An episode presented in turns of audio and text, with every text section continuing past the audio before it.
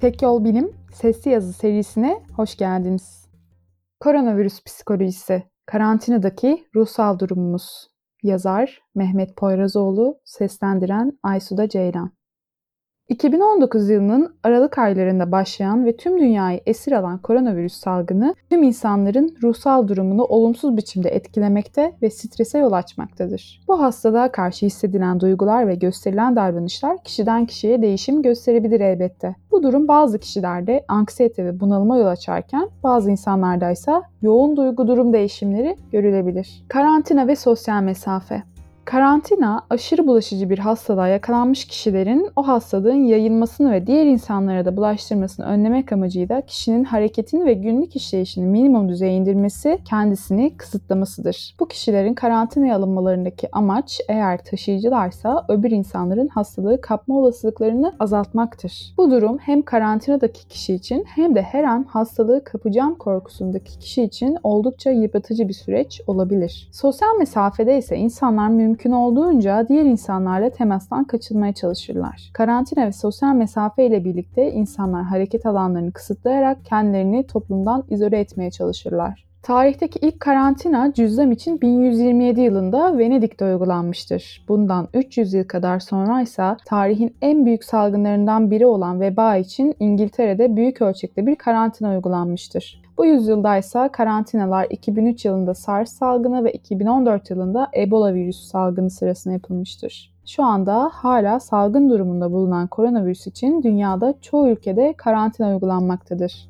Salgın ve karantinada yaşanan duygular Dünyadaki insanların bu kadar birbirine bağlandığı, sosyalleştiği ve her şeyin küreselleştiği bu çağda herkesin eve kapanması ve diğer insanlarla olan iletişimini kesmeye çalışması pek çok bunalıma ve sıkıntıya yol açabilir. Sevilen kişilerden ayrı kalmak, özgürlüğün kısıtlanması, her şeyin belirsiz olması ve her an hastalık kapacağım korkusu insanların ruh halini etkileyecek sıkıntılara yol açabilir. Öfke patlamaları, obsesif takıntılar, kendine ve çevresindekilere zarar verme girişimleri, karantinadan kaçma girişimleri gibi davranışlar görülebilir. Verilen ruhsal tepki ve davranışları şu şekilde sıralayabiliriz. Kişinin kendisi ve yakınları hakkındaki duyduğu korku ve endişeler, uyku ve yeme düzenindeki değişiklikler, öfke, matem, suçluluk hisleri, tükenmişlik sendromu, alkol, tütün bağımlılığında artış. Karantina sırasında aynı zamanda akut stres bozukluğu, depresyon ve yaygın anksiyete bozukluğu gibi ruhsal bozukluklar da görülebilir. Karantina sürecindeki insanlar başkalarıyla temas ettiklerinde hem kendileri için hem de karşısındaki insan için suçluluk, öfke ve üzüntü duyabilirler. Karantinadan sonra bile el yıkama, temas etmeme gibi alışkanlıklar uzun süre korunabilir ve normal yaşama adapte olmak bir hayli zaman alabilir. Karantinadaki risk faktörleri Kısıtlanmış yaşam alanı yüzünden yaşam rutini belirgin biçimde bozulur. Kişi kendisini öbür insanlardan uzak tuttuğu için yalıtılmış ve engellenmiş hisseder. Bu da sıkıntıya ve bunalıma yol açabilir. Çoğu insan maske gibi yeterli kaynaklara ve ilaca ulaşmakta güçlük çekmektedir. Karantina ve salgın süreci ile ilgili yanlış ve yetersiz bilgiler insanlarda belirsizlik ve korku hissine yol açar. Karantinanın uzun olması ve ne zaman biteceğinin bilinmemesi de insanları tedirginliğe sürükleyebilir. Başka insanların ve kendisinin enfekte olduğu ile ilgili düşünceler de insanları yorabilir ve ruhsal bozukluklara yol açabilir. Bu risk faktörleri insanlarda anksiyeteye, bunalıma hatta çöküntüye neden olabilir. Uygun destek ve yardımla kişiler karantina sırasında ve sonrasında yaşadıkları bu duygulardan kurtulabilir ve normal yaşama uyum sağlayabilirler. Kimler risk grubundalar? Geçmişte ve şu anda ruhsal bozukluğu bulunanlar.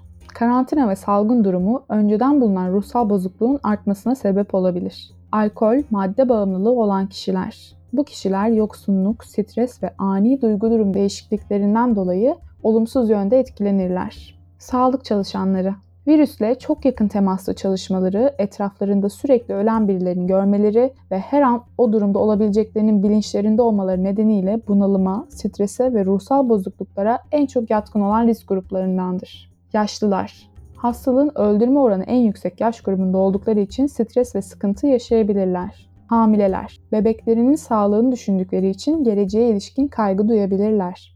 Bilişsel bozukluğu olan kişiler kendi bakımlarını başkaları yaptığı ve kendilerine bakma olasılıkları düşük olduğu için tedbir almakta zorlanabilirler. Bu virüse karşı olan tüm endişeler ve kaygılar aslında normaldir. Çünkü vücut tehlike anlarında strese başvurarak kişinin bu anları atlatmasını sağlar. Bir bakıma hayatta kalma içgüdüsüdür. İçinde bulunduğumuz durumu ve yaşadıklarımızı kabul edersek süreci çok daha kolay atlatabiliriz. Dikkat edilmesi gereken nokta bu durumun günlük işleyişinizi ne derecede etkilediğidir. Sürekli aklınız virüste ise, uyku, yeme düzeninizi etkiliyorsa ve sürekli sizi kaygılandırıyorsa bu durum ciddi anlamda hayatınızı yönlendiriyor ve etkiliyor demektir. Karantinadaki ruhsal bozukluklarla nasıl baş ederiz? Karantina sürecinde yaşadığımız kaygıyı, sıkıntıyı, stresi ve ruhsal bozuklukların etkilerini en aza indirmek için yapabileceğimiz çok sayıda koruyucu faktör var. Bu koruyucu faktörler bizi karantinanın olumsuz etkilerinden koruyarak karantina sonrası normal hayata adapte olmamızı kolaylaştırabilir.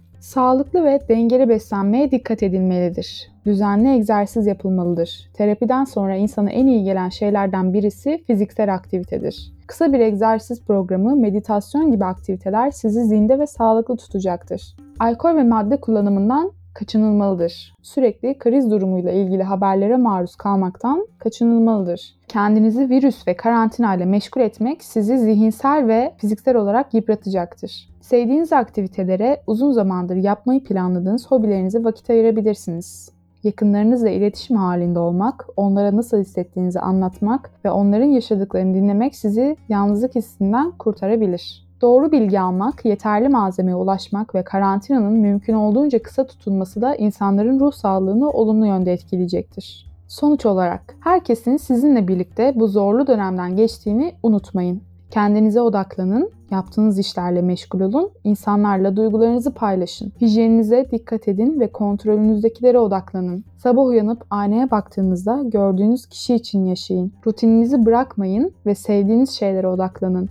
Bunlar psikolojik ve fiziksel sağlığınızı artırır ve zamanla daha iyi hissedersiniz. Fakat tüm bunlara rağmen hala günlük işlevinizin bozulduğunu hissediyorsanız yapmanız gereken en iyi şey alanında uzman bir psikolog ya da psikiyatristten yardım almaktır.